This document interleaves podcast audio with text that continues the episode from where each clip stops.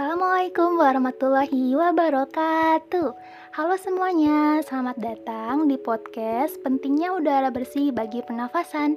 Nah, sebelumnya perkenalkan, nama saya Alia Salsabila Fitri sebagai pembawa acara di podcast Pentingnya Udara Bersih bagi Pernafasan. Kali ini kita akan bicara mengenai dua topik.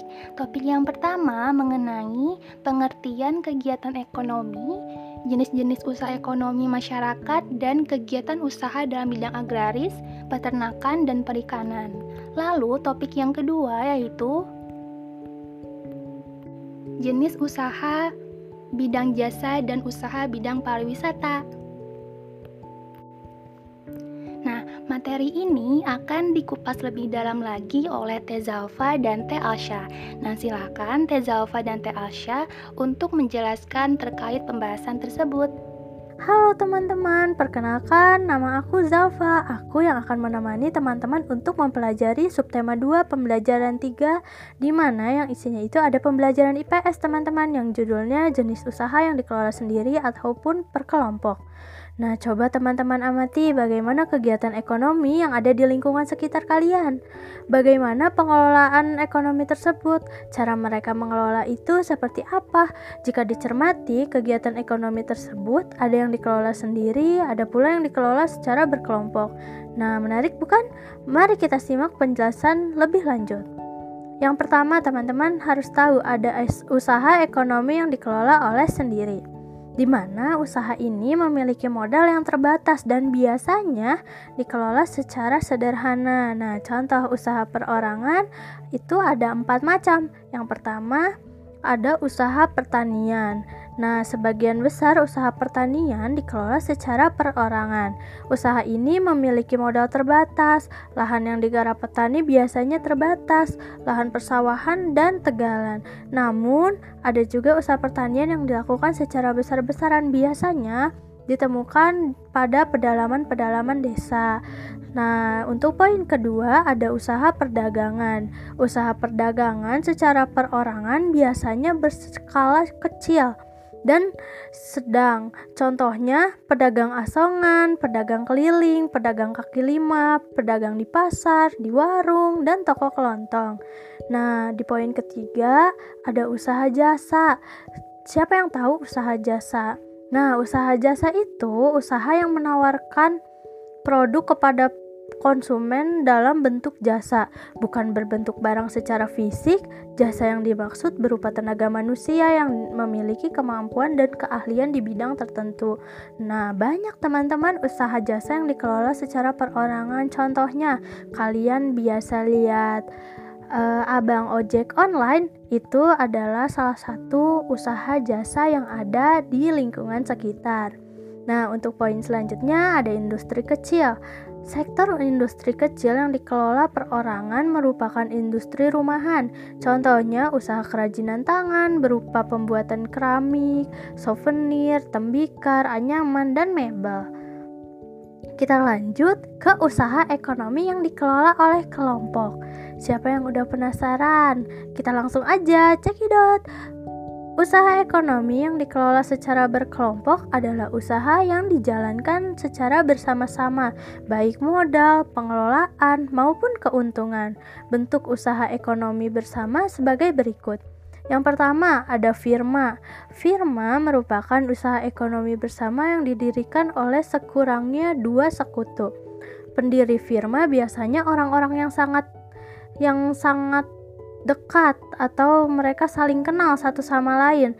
Setiap anggota firma memiliki hak untuk bertindak atas nama firma. Anggota firma juga bertanggung jawab secara penuh atas resiko kerugian firma. Usaha berbentuk firma biasanya bergerak di bidang layanan konsultasi hukum dan keuangan. Yang kedua, ada persekutuan komanditer, di mana Persekutuan komanditer ini didirikan oleh kurang-kurangnya dua orang yang menyetorkan modal. Nah, pada persekutuan komanditer ini terdapat dua jenis sekutu, yaitu sekutu aktif dan sekutu pasif. Sekutu aktif berperan sebagai investor dan pengelolaan CV. Sekutu pasif berperan sebagai investor tanpa terlibat dalam pengelolaan CV. Usaha berbentuk CV dapat dikembangkan dari firma. Ini dimungkinkan jika firma ingin memperluas usahanya dan membutuhkan banyak modal. Nah, selanjutnya ada perseroan terbatas. Perseroan terbatas atau PT adalah usaha bersama yang modalnya berupa kumpulan saham Nah, saham ini diartikan sebagai bukti kepemilikan suatu perusahaan atas penyetoran modal, di mana setiap saham memiliki nilai nominal tertentu, teman-teman. Sangat menarik, bukan? Pemilik saham itu akan memperoleh keuntungan berupa dividen bagi perseorangan yang ingin mengembangkan dan memperluas usaha sahamnya dapat diperdagangkan di pasar modal. Nah, selanjutnya ada badan usaha milik negara. Teman-teman pasti tahu kan ini suka ada di TV-TV nih, teman-teman. Di mana badan usaha milik negara ini kita kenal sebagai BUMN atau perusahaan negara, yaitu sebuah perusahaan yang seluruh atau sebagian modalnya dimiliki oleh negara. Nah, BUMN dapat berbentuk perusahaan umum dan perseroan terbatas BUMN bergerak di bidang usaha yang bersifat strategis atau vital. Di Indonesia juga terdapat badan usaha milik daerah, teman-teman, atau BUMD, yaitu e, merupakan perusahaan yang modalnya dimiliki pemerintah daerah. Apa saja tujuan pendirian BUMD?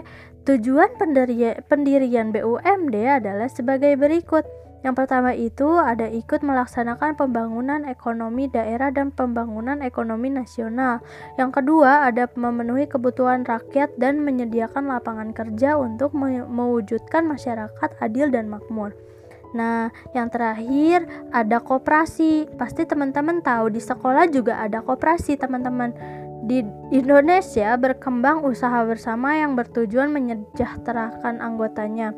Usaha yang dimaksud adalah koperasi itu sendiri. Menurut Undang-Undang Nomor 25 Tahun 1992 tentang perkoperasian, koperasi adalah badan usaha yang beranggotakan orang-orang atau badan hukum koperasi dengan melandaskan kegiatannya berdasarkan prinsip koperasi sekaligus gerakan ekonomi rakyat yang berdasarkan asas kekeluargaan. Koperasi sesuai dengan Undang-Undang Dasar 1945 Pasal 33 Ayat 1 yaitu berbentuk perekono perekonomian disusun atau usaha bersama berdasarkan asas kekeluargaan.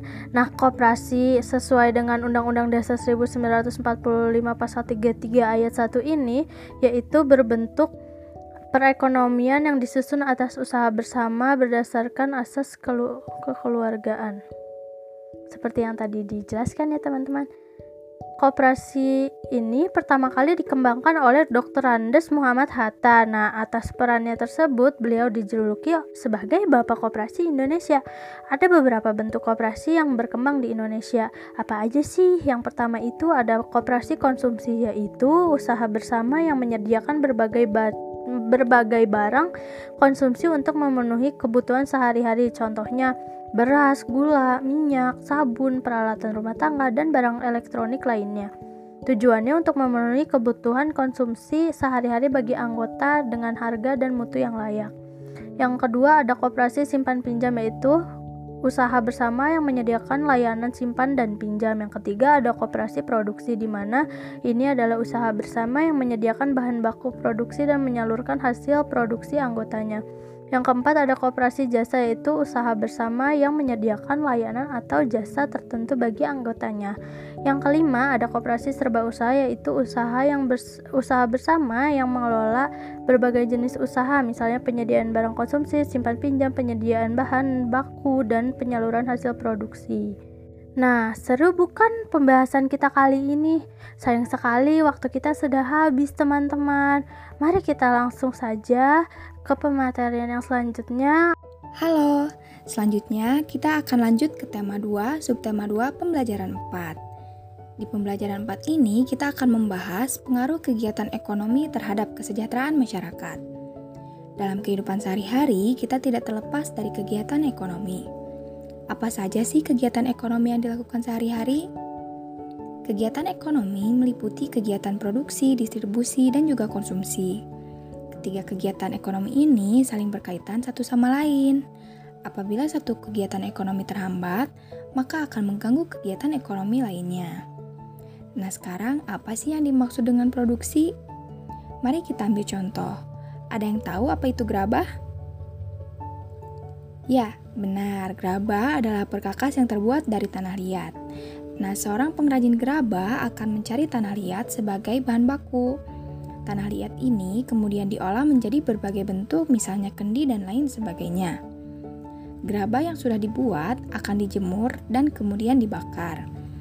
Proses akhir, gerabah tersebut kemudian diwarnai dan dijual kepada konsumen. Dari ilustrasi ini dapat dikatakan seorang pengrajin gerabah telah melakukan kegiatan produksi. Jadi, produksi adalah kegiatan menghasilkan barang dalam rangka memenuhi kebutuhan hidup. Orang yang melakukan kegiatan produksi disebut produsen. Kegiatan produksi berpengaruh terhadap kesejahteraan pemilik sumber daya ekonomi dan juga produsen. Bagi pemilik sumber daya ekonomi, adanya proses produksi ini memungkinkan memperoleh balas jasa. Balas jasa ini berupa sewa, bunga, modal, ataupun gaji. Dengan balas jasa ini, pemilik sumber daya ekonomi dapat memenuhi kebutuhan hidup.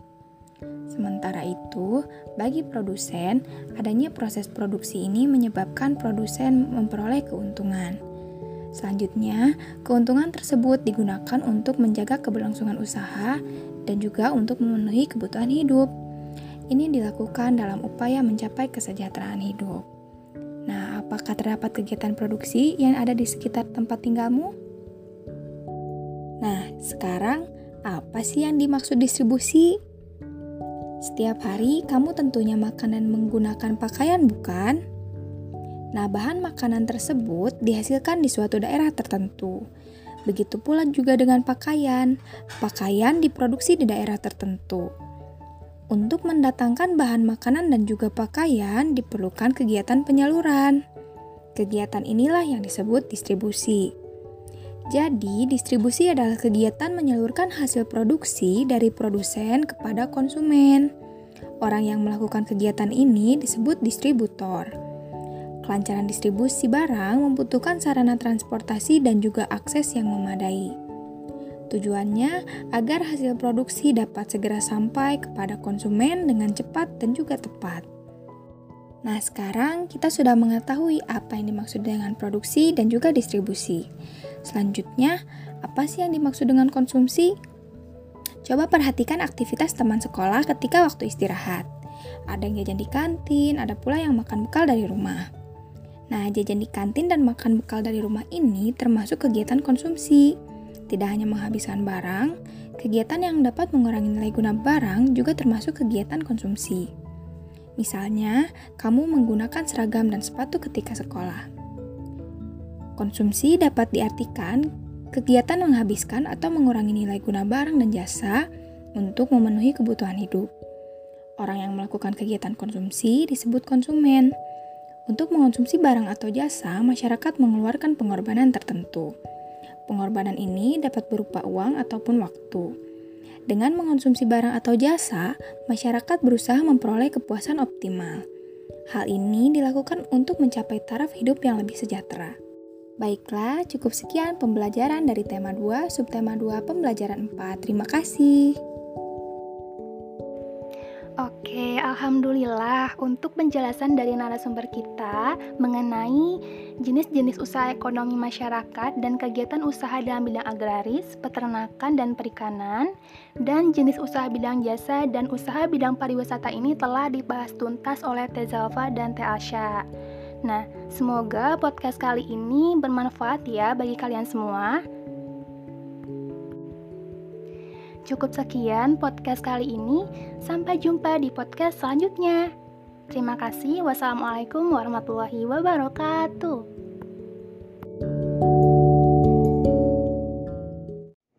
Halo teman-teman, assalamualaikum warahmatullahi wabarakatuh. Perkenalkan, aku Zalfa. Di sini, aku akan menjadi pembawa acara untuk episode kali ini.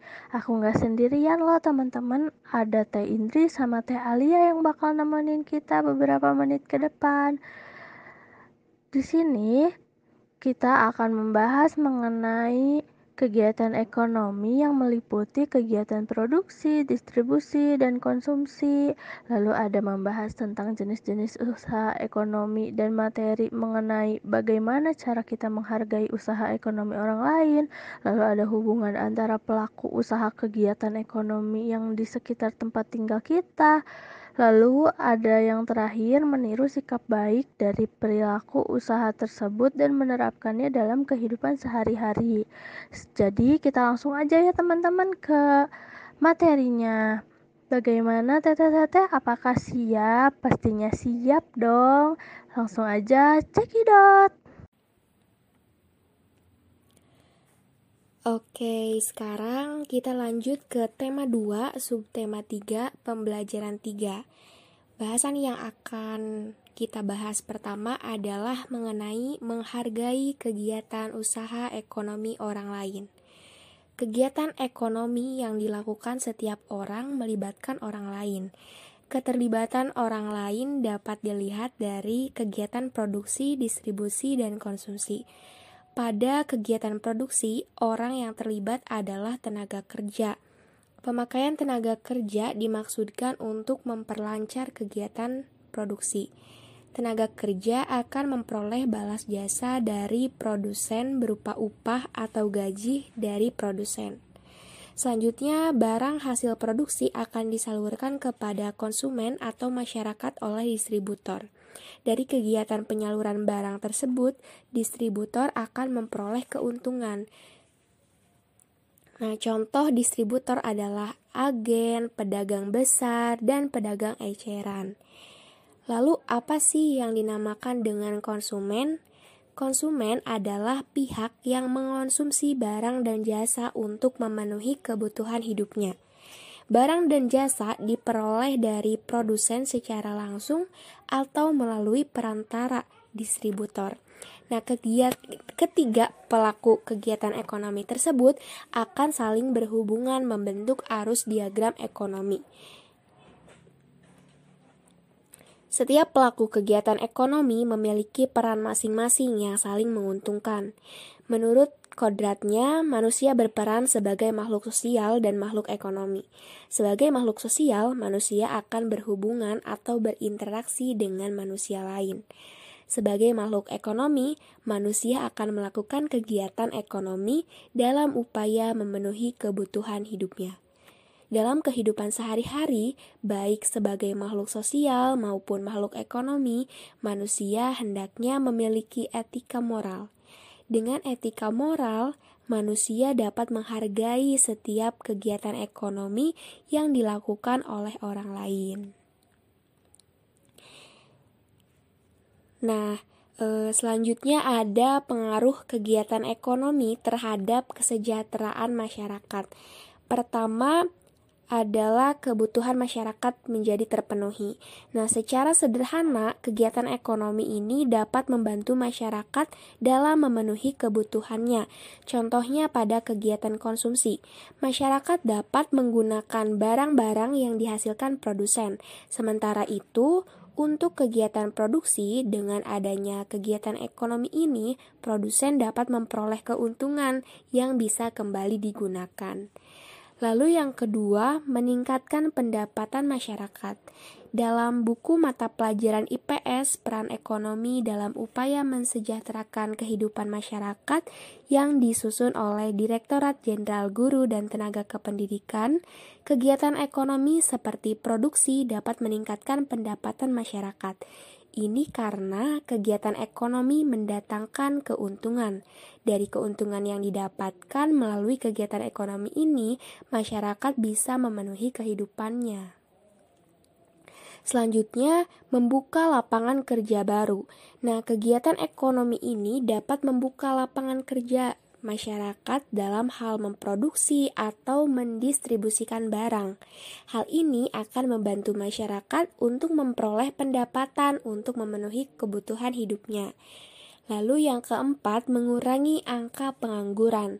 Dengan adanya kegiatan ekonomi ini, angka pengangguran dapat menurun. Mengapa demikian? Seperti yang telah dijelaskan sebelumnya, kegiatan ekonomi ini dapat membuka lapangan kerja baru. Oleh karena itu, angka pengangguran pun tentunya akan menurun. Dan yang terakhir adalah munculnya jenis usaha baru. Seperti yang dijelaskan sebelumnya, salah satu kegiatan ekonomi ialah distribusi, yaitu pihak perantara atau pihak ketiga. Artinya, kegiatan ekonomi akan memunculkan jenis usaha baru seperti usaha pengiriman barang dan distribusi produk. Nah, lalu bagaimana sih cara kita menghargai kegiatan usaha ekonomi orang lain. Pertama, kita harus menumbuhkan persaingan usaha yang sehat dalam kegiatan perekonomian. Yang kedua, menghormati usaha ekonomi orang lain dengan tidak iri atas keberhasilannya. Yang ketiga, menjunjung tinggi setiap jenis pekerjaan yang dilakukan orang lain. Dan yang terakhir adalah meneladani keberhasilan orang lain dengan meniru sikap positif orang tersebut. Siap dong teh. Nah, selanjutnya kita akan mempelajari terkait peran ekonomi dalam upaya menyejahterakan kehidupan masyarakat di bidang sosial dan budaya. Nah, materi yang kita bahas pertama-tama yaitu mengenai perilaku, motif, dan prinsip ekonomi. Nah, sebelumnya, ekonomi didefinisikan sebagai ilmu mengenai asas-asas produksi, distribusi, dan konsumsi. Nah, dengan kata lain, ilmu ekonomi ini juga merupakan suatu studi tentang perilaku orang dan masyarakat dalam memilih, menggunakan sumber daya, dan yang memiliki beberapa alternatif penggunaan untuk dapat memproduksi berbagai komoditi, kemudian menyalurkannya, baik saat ini maupun di masa mendatang. Nah, dengan mempelajari ekonomi ini berarti kita telah mempelajari perilaku ekonomi, yaitu suatu perilaku dalam memilih berbagai alternatif yang memberikan hasil yang terbaik. Nah, yang kedua, kita akan membahas terkait perilaku ekonomi. Pada umumnya, kebutuhan manusia ini memiliki sifat yang tidak terbatas karena manusia cenderung tidak pernah merasa puas dan selalu merasa kekurangan terhadap suatu sumber daya yang dimilikinya. Dengan keterbatasan sumber daya yang dimiliki oleh manusia tersebut, maka e, pada umumnya manusia berusaha untuk mengatasi masalah tersebut dengan melakukan perilaku ekonomi.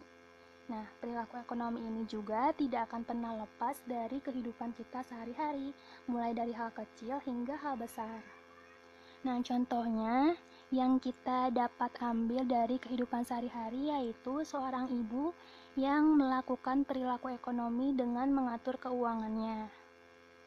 Perilaku ekonomi ini juga terjadi pada lingkup yang lebih luas lagi, misalnya pada sebuah perusahaan yang mendapatkan keuntungan dengan membeli peralatan baru untuk meningkatkan hasil produksinya.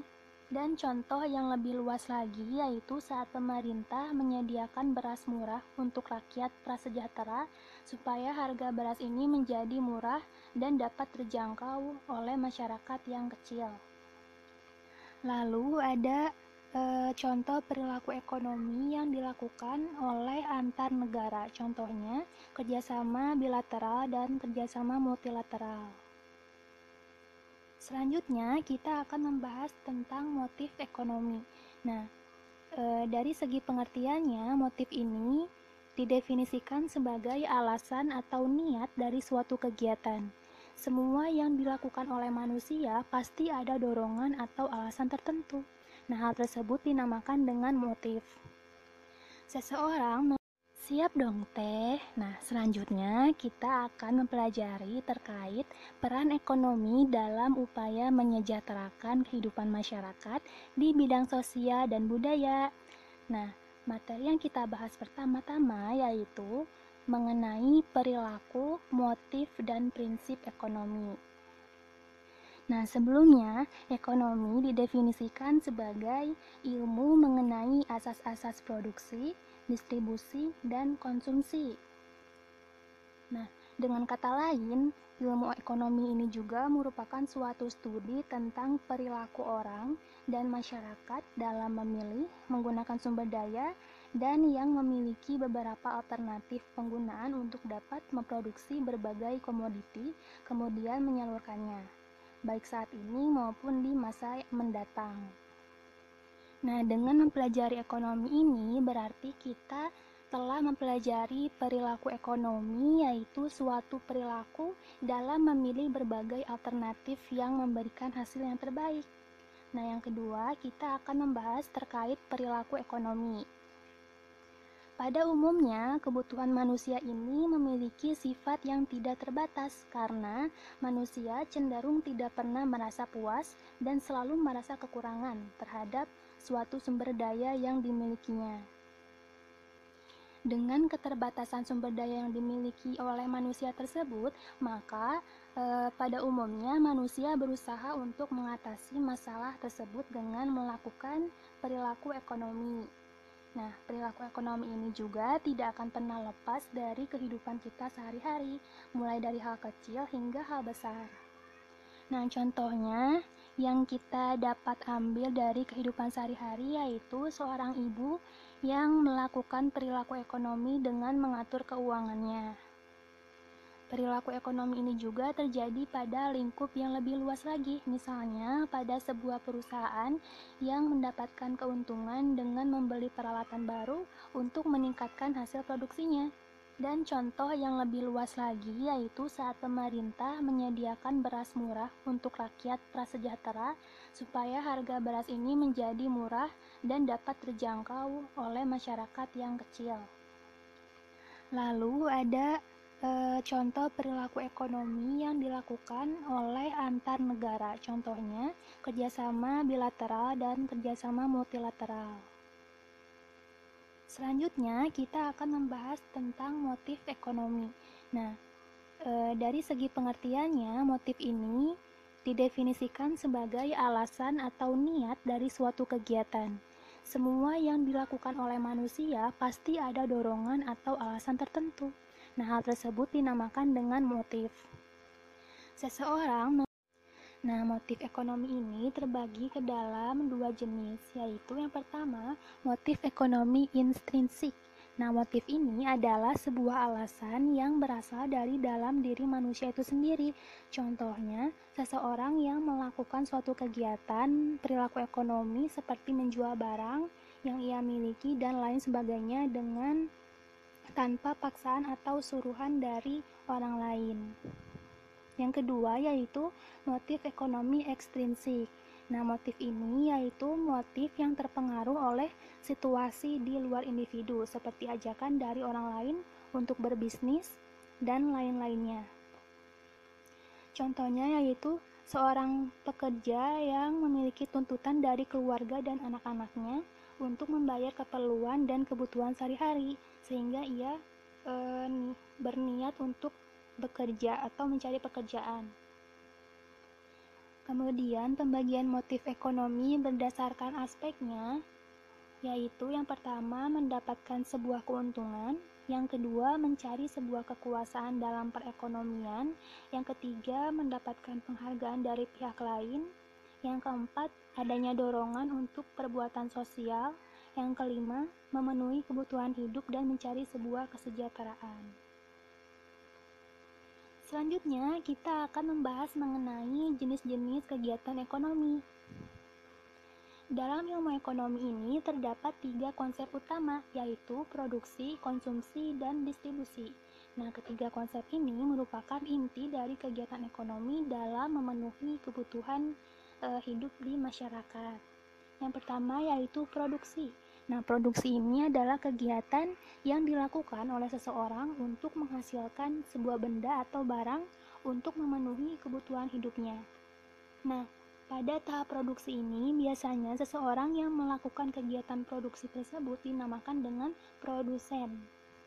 Kemudian yang kedua yaitu tahap distribusi. Nah, distribusi ini adalah kegiatan di mana seseorang menyalurkan hasil atau e, barang produksinya dari produsen ke konsumen. Untuk pelaku distribusinya sendiri dinamakan dengan distributor. Yang ketiga yaitu konsumsi. Nah, konsumsi ini adalah kegiatan menghabiskan dan mengurangi nilai guna dari barang.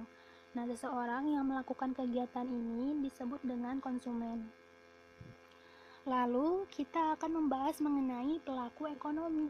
Nah, dalam ilmu ekonomi ini, kegiatan-kegiatan ekonomi ini dilakukan atau dijalankan oleh empat pelaku utama.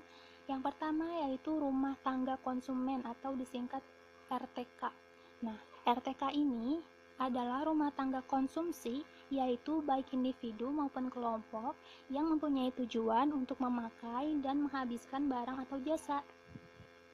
E, kelompok rumah tangga konsumen ini melakukan kegiatan antara lain menerima penghasilan dari para produsen yang berupa sewa, upah, dan gaji, serta bunga dan laba. Yang kedua yaitu menerima penghasilan dari lembaga keuangan berupa bunga atas simpanan-simpanan mereka. Dan yang terakhir adalah menjalankan penghasilan tersebut di pasar barang sebagai konsumen. Pelaku ekonomi yang kedua yaitu rumah tangga produsen atau disingkat dengan RTP. Rumah tangga produsen ini adalah setiap bentuk usaha yang menjalankan setiap jenis usaha yang bersifat tetap dan terus-menerus dan didirikan. Biasanya kelompok ini melakukan tugas-tugas antara lain sebagai berikut. Yang pertama yaitu memproduksi atau menjual barang-barang atau jasa, contohnya seperti e, pemasok di pasar barang. Kemudian yang kedua, menyewa atau menggunakan faktor-faktor produksi yang dimiliki oleh rumah tangga konsumsi untuk proses produksi. Yang ketiga, menentukan pembelian barang-barang modal dan stok barang lain. Yang keempat yaitu meminta kredit dari lembaga keuangan untuk membiayai investasi mereka atau pengembangan usaha mereka. Pelaku ekonomi yang ketiga yaitu pemerintah. Pemerintah memegang, memegang peranan penting dalam kegiatan ekonomi yang ditujukan untuk menentukan kebijakan-kebijakan di bidang ekonomi. Nah, tindakan yang diambil oleh pemerintah di bidang keuangan dalam hubungannya dengan dunia internasional yaitu yang pertama menarik pajak langsung dan tidak langsung, yang kedua membelanjakan penerimaan negara untuk membeli barang-barang yang diperlukan oleh pemerintah, dan yang terakhir adalah meminjam uang dari luar negeri. Dan pelaku ekonomi yang terakhir yaitu masyarakat luar negeri. Nah, kegiatan ekonomi yang dilakukan oleh masyarakat luar negeri ini adalah kegiatan ekonomi yang secara internasional meliputi segala kegiatan mengenai hubungan ekonomi antar negara. Nah, contoh kegiatan ekonominya yang pertama yaitu menyediakan kebutuhan barang impor, yang kedua menyediakan barang-barang hasil ekspor, yang ketiga menyediakan kredit dan pemerintah dan swasta dalam negeri, dan yang terakhir adalah sebagai penghubung pasar uang dalam negeri dengan pasar uang luar negeri. Nah, selanjutnya akan dijelaskan oleh Teh Ani. Gimana teman-teman, pemateriannya luar biasa bukan? Alangkah baiknya apabila kita belajar, kita harus mengulang-ulang mendengarkannya. Maka semoga dari pematerian tersebut teman-teman dapat memahaminya dengan sangat baik. Oke teman-teman, kita bakal ketemu lagi di episode selanjutnya. Assalamualaikum warahmatullahi wabarakatuh. Terima kasih.